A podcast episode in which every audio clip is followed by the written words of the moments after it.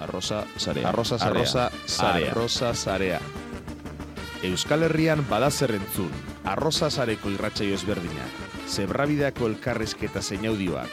Eta askoz gehiago, arrosasarea.eus webgunean. Arrosa Sarea. Arrosa Sarea. Arrosa Sarea. Piztu zuen irratiak.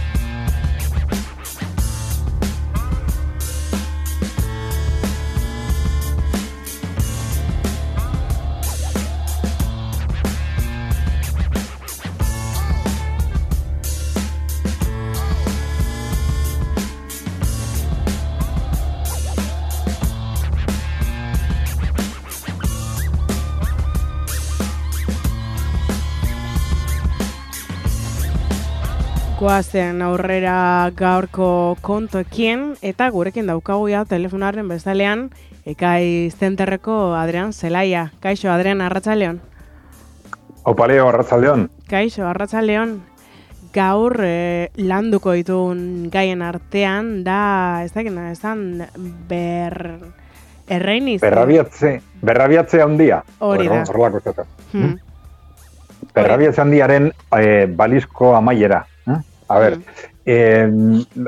gai honetaz hitz dugu behin baino gehiagotan, berrebiatze handia, edo, gran reinicio, gran reseteo, eh, paineraz, eh, hori da, principios, eh, munduko foro ekonomikoa, foro de Davos, delakoa, Davoseko foroak, eh, martzan jarritako proiektu bat, oin eh, bi urte eterdi. Eh?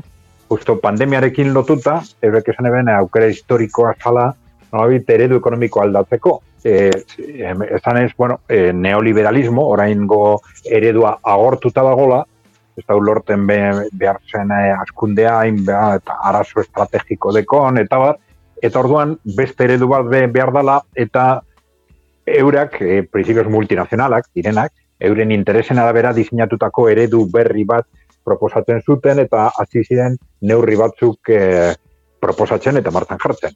Eta mm, e, principios eredu berri hori, ba, kapitalismo eredu berri bat zala, ezaten zuten batzuk, beste batzuk kapitalismotik aratago joala, bueno, e, izen diferenteak ere abli dira horretarako, kapitalismo inklusibo, kapitalismo de partes interesadas, e, kapitalismo korporatibo este batzuk, feudalismo korporatibo, bueno, da nadala, e, hori izan da, ba, bi urtez edo, e, e, multinazionala undien proiektua. Hau da, e, for, Davoseko forotik, fororen atzeti, atzean dauden e, multinazionalak.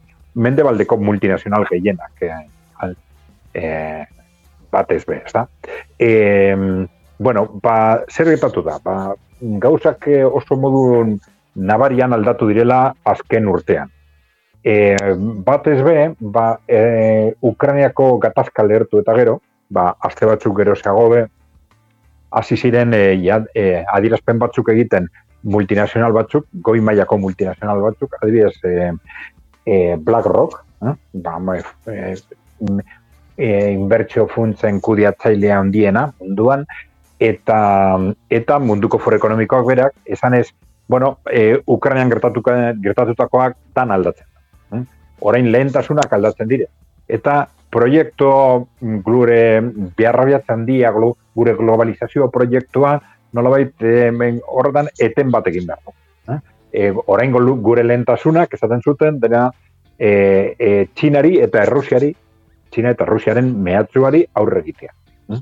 Eta orduan, e, bueno, ez dakik ondo, baina horrekin adirazten ari ziren, ba, euren proiektu hori, mm, bueno, behintzat igual kajoian gertatzen dela, momentu, orain goz, eh? Bueno, ba, urte honetan ikusi dugu apurka-apurka, bat ez azken hilabeteotan, pues, bueno, horti joan direla hartutako eraba, erabakiak eta gertatu diren e, mugimendu, hainbat mugimendu ikusi dugu. E, urtearen amaieran adibidez, bai, hau da, multinazional gehiena kontrol, kontrolatzen dituzten inbertsio funtzak, bai BlackRock eta bai e, Vanguard, e, e, esan dabela argita garbi, ba, proiektu horiek baztertzen ari direla, eta konkretuki horrekin lotuta zeuden e, sosten garritasun inguruko konzeptuak, garapene eutxigarria horren inguruan mugitzen ziren proiektuak, bebai, ba, baztertzen, e, baztertuko dituztena. Hmm. Hori oso oso gai interesgarri esan da, hor ikusten da, hainbat mugimendu gertatzen ari dela, e, nolabait orain arteko estrategiak baztertzeko. Eh? Hmm. E, horrekin lotuta bai, hasi dira zurmurroak zabaltzen, ba, munduko ekonomia foroko lehendakaria, presidentea, e, zuap, e, aldatuko da bela, eta izen batzuk hasi dira agertzen hoien artean Tony Blair delako. E, baina e, ikusten ari gara nola argita garbi, bueno, zer, zer gertatzen ari da, ba, hainbat, orain arteko hainbat politika ba, nola bat zertzen ari da, baita ere, Europan oso gauza nabaria da, adibidez, politika berdeak, ekologiarekin lotutak, da, hori dana hasi da eh, ahaztuten oraingo lehentasuna badako hori ba China eta Errusiari aurre egitea. Hmm. Orduan momentuz ikusten ari gara konfirmatzen ari dela, bai estatzen ari dela, ba oin eh, amarri jabete inguruan ba aurre ikusten ari izan. Hau da, benetan e, proiektu mm, borri hori, eredu ekonomiko berri hori, ba, baztertuta geratzen ari dela ziut asko. Hmm. Ba, bai, ez? Bestetik, bueno, beste kontua izango zen, enpresaren erantzunkizun zuzelaren porrota nola baitere ez? Bai, e, a ber, enpresaren erantzunkizun soziala edo gizarte erantzunkizunak, e, hori da kultura bat, enpresen, enpresen kultura bat nahi badozu edo bestaletik e, gobernoen aldetik politika bat be bai. Eta e, politika horren, horren helburua zen nolabait suspertzea em, enpresak euren etekinetatik aparte, pues, nolabait ekintza batzuk egitea alden neurrean, pues, gizartearen aldekoak, e, e, langileen aldekoak, e, bezeroen aldekoak, eta, pues, bueno, argita garbi, berrogeta mar urte zibiligara politika hoiek eta kultura hoiekin gora bera, eta argita garbi, politika hoiek porrot egintak eta kultura horrek porrot egin dau. Hmm?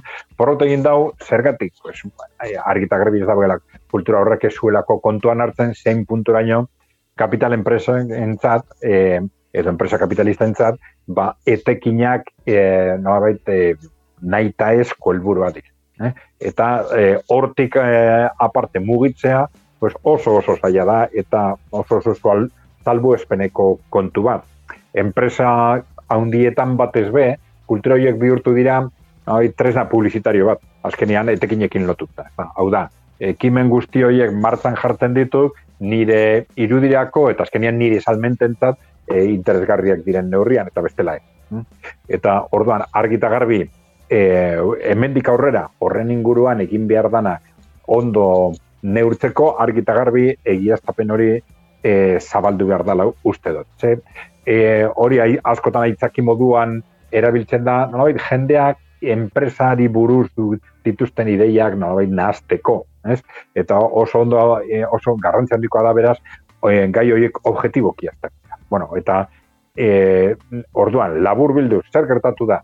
Pues, una, alde batetik, enpresa kapitalisten, kapitalisten kasuan, hau da, gure eredu nagusian, e, porrot mm, iaia osoa izan da la kultura hori. E, salbu espenak, salbu espenak izan dire, ba, enpresa egitura diferentea dituzten enpresa erituetan. Hau da, e, enpresa publikoak, e, kooperatibak, gizarte ekonomia. Hmm? Zergatik, pues hor, berez, boterea, ez dago akziodunen eskuetan, baizik eta beste erakile batzuen eskuetan, enpresa horietan bai posible dala, nolabait beste helburu sozial batzuk, nolabait sustatzea e, e, kapitalaren errentagarritasunarekin batera. Hmm. E, hori alde batetik. Eta bestatetik, argita garbi ikusi da, posible dala, azkenian, algo, e, enpresa pribatu edo enpresa kapitalisten erantzukizun soziala sustatzea, ba, estatuak hartutako neurrien e, bitartez. Edo, hobeto esan da, kanpotik jasotako eraginen bitartez. Ez?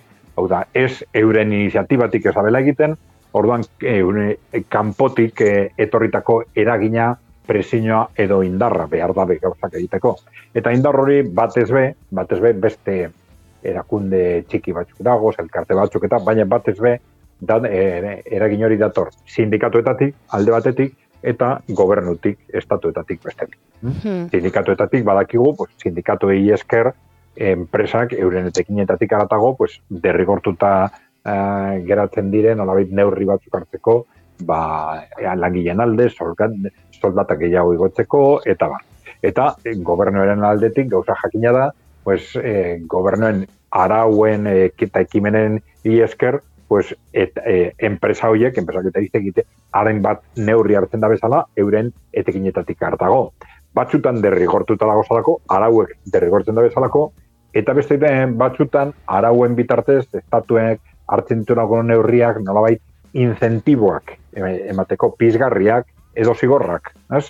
Zigorren bitartez e, lortzen dau en, enpresek e, erabaki batzuk esartzia, edo pizgarrien bitartez lortzen dau e, enpresak e, etekinetatik aratago joatia, eta mm, beste kasu baten egingo ez ziren e, e, nabait, e, ekimenak edo jarduerak martzak jartzia. Ez? Orduan, aurrera begira, badakigu gizarte erantzukizunaren kultura eta politika benetako eh, helburua nun kokatu behar dela. Hau da, kapitalistak ez diren enpresetan e, eta e, beste, eta bestadetik estatu eta sindikatuen jartuena. Hmm. Gaur ere izango dugu Davoseko foroa izpide ez? Bai, e, aurreko astean aipatu gendun, gaur aipatu dugu bai, baina hmm. aurreko astean azaldu gendun zer dan foro de Davos, ez da? Davoseko foroa edo munduko foro ekonomikoa, hori da erakundearen izena, foroiak antaratzen dituen erakundearen izena, da, prinsipioz, multinazional, horren atzian multinazional eh, handi gehienak iaia mendebaldeko multinazional guztiak dago. Ez? Bueno, eh, ba, aur, eh, azte honetako bileran zer gertatu da? Bueno, lehenago, oso argi irudikatu da, ba, daukogun mundu berria. Mm? Hau da, eh, Txina eta Errusia ez dira jun. Mm? Eta eh, baita mendebaldeko eh, agintari politiko asko bez. Mm? Ni ziurazki, hor, eh, hainbat eh, zurrumurro gonda, hortik zehar zabaldu dala, lehen esan duguna. Hau da, ba, munduko e, foro ekonomikoaren e, funtsesko ekimen hori berrabiatze handia, proiektu ekonomiko berriak hoi zalantzan jartzen ari dala, orain e, nolabait multinazional benetako helburuak beste bidetik jungo direla, eta orduan politikari, mm, piso handiko politikari asko ez dira bertaratu. Ez dira jun suizara, Davoseko forora. E, e, hori oso adirazgarria izan da dibidez, Europan, Europan bakarrik Espainia eta Alemaniako e, gobernu burua jundire, ez beste herrialdetakoak. Eta hori gust, salbuespen oso argia da, ba, Davoseko foroaren historia, ez da? Oro har ikusi dugu, ba, aurten, ba, proiektu erraldoi hoien modu estrategikoan basterto dituztela, hasi beste gauza batzuei buruz e, hitz egiten, baina e, ikusko dugu mendik aurrera zer gertatzen da, pues, hasi da bai esaten lehen komentatu duguna. Ez, foro de Davoseko lendakaria e, klausua, pues, hmm. zalantzan, e, zalantzan dagoela eta beste izen batzuk aipatzen hasi direla. Hmm. Ez daki eta hori gertatuko dan, baina argi dago behintzat. E, botere faktiko nagusien artean, e, hau da multinazionalen artean, batez ba, e, Davoseko foroa eta Davoseko foroen sustatu dituen, azken urtetan sustatu dituen estrategiak zalantzan eh, dago zala, edo betzat eten batekin dala. Hmm. Hmm. Gero, enpresa buren inguran hitzengo dugu, hauek, e, e, aberaztasunik sortzen duten edo ez, botako du galdera hori. Bai, eh, a ber, apur bat zehazteko kontua ez da horren beste aber enpresariek aberaztasuna sortzen den, baizik eta ea zen punturaino eurak diran hmm. aberaztasuna sortzen dutenak. Hmm. hmm? eure ze, esan da emudean, ematen dago, aberastasuna sortzen duten bakarrak eurak mm. direna, ez da? Hori, e, dialektika hori askotan errapikatzen da, eta um, azken e, egun hauetan, e, Espainiako erabideetan gobernua eta enpresaren arteko eztabaida bat dalata, ba, titular batzuetan agertu diren, e, azaldu diren enpresari, goi mailako enpresari batzuen adierazpenak, eta izenburuan agertu da, enpresariak dira, e, gobernua jakin behar dau, enpresariak direnak aberastasuna sortzen dute. Hmm. E, nola behizateko, e, aber, nok sortzen dago aberastasuna, kuk. Ez? Bueno, ba, hori ez da laigia. Hmm? Argita garbi eta hori behin eta berriz errepikatu behar da, zazkenean gauza horiek, ba, nabete, gizartean zabaltzen dira, eta nabete, jendearen mentalidadean sartzen dira, eta horren ondorioak oso garrantzan dira, azkenean gure gizartea egituratzeko, ez da? Hmm. E, alde batetik, eh, enpresariak ez dira enpresak. Hori azpimarratu behar da, behin eta gara.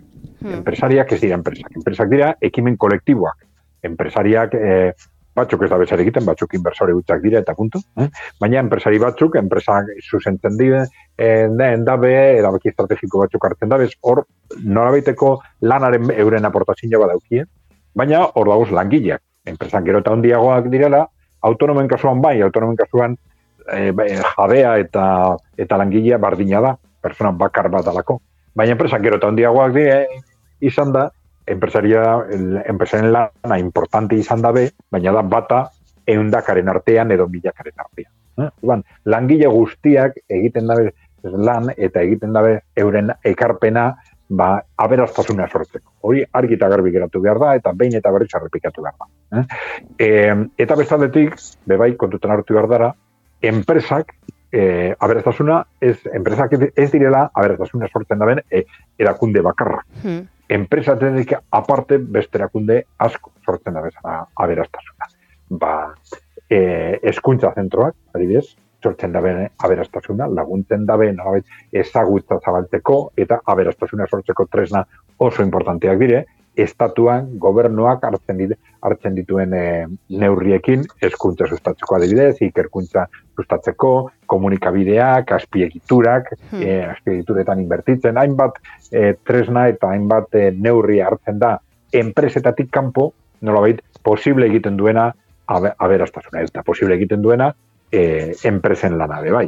Orduan, e, konzeptu horiek, nik uste oso importantea da, behin eta berriz errepikatzea, ba, argi geratzeko, ba, hori, azkenian, noit, e, e, ekonomia aurrera jotea eta beraztasuna sortzea, pues, denon kontua, denon kontua dala eta denon artian egiten. Hmm. Hmm. Gero, ba, gai aldatuz, hori, e, izango du azkenengo kontua izango zen, eskaintzaren inflazioa eta eskariaren inflazioa, ez? Bai, haien gai hau apur bat teknikoa da, baina, bueno, interesgarria izan daiteke apur bat komentatzea. Da? Eh, aurten etengabe ekonomistak da bizela horren inguruan ez da baitatzen.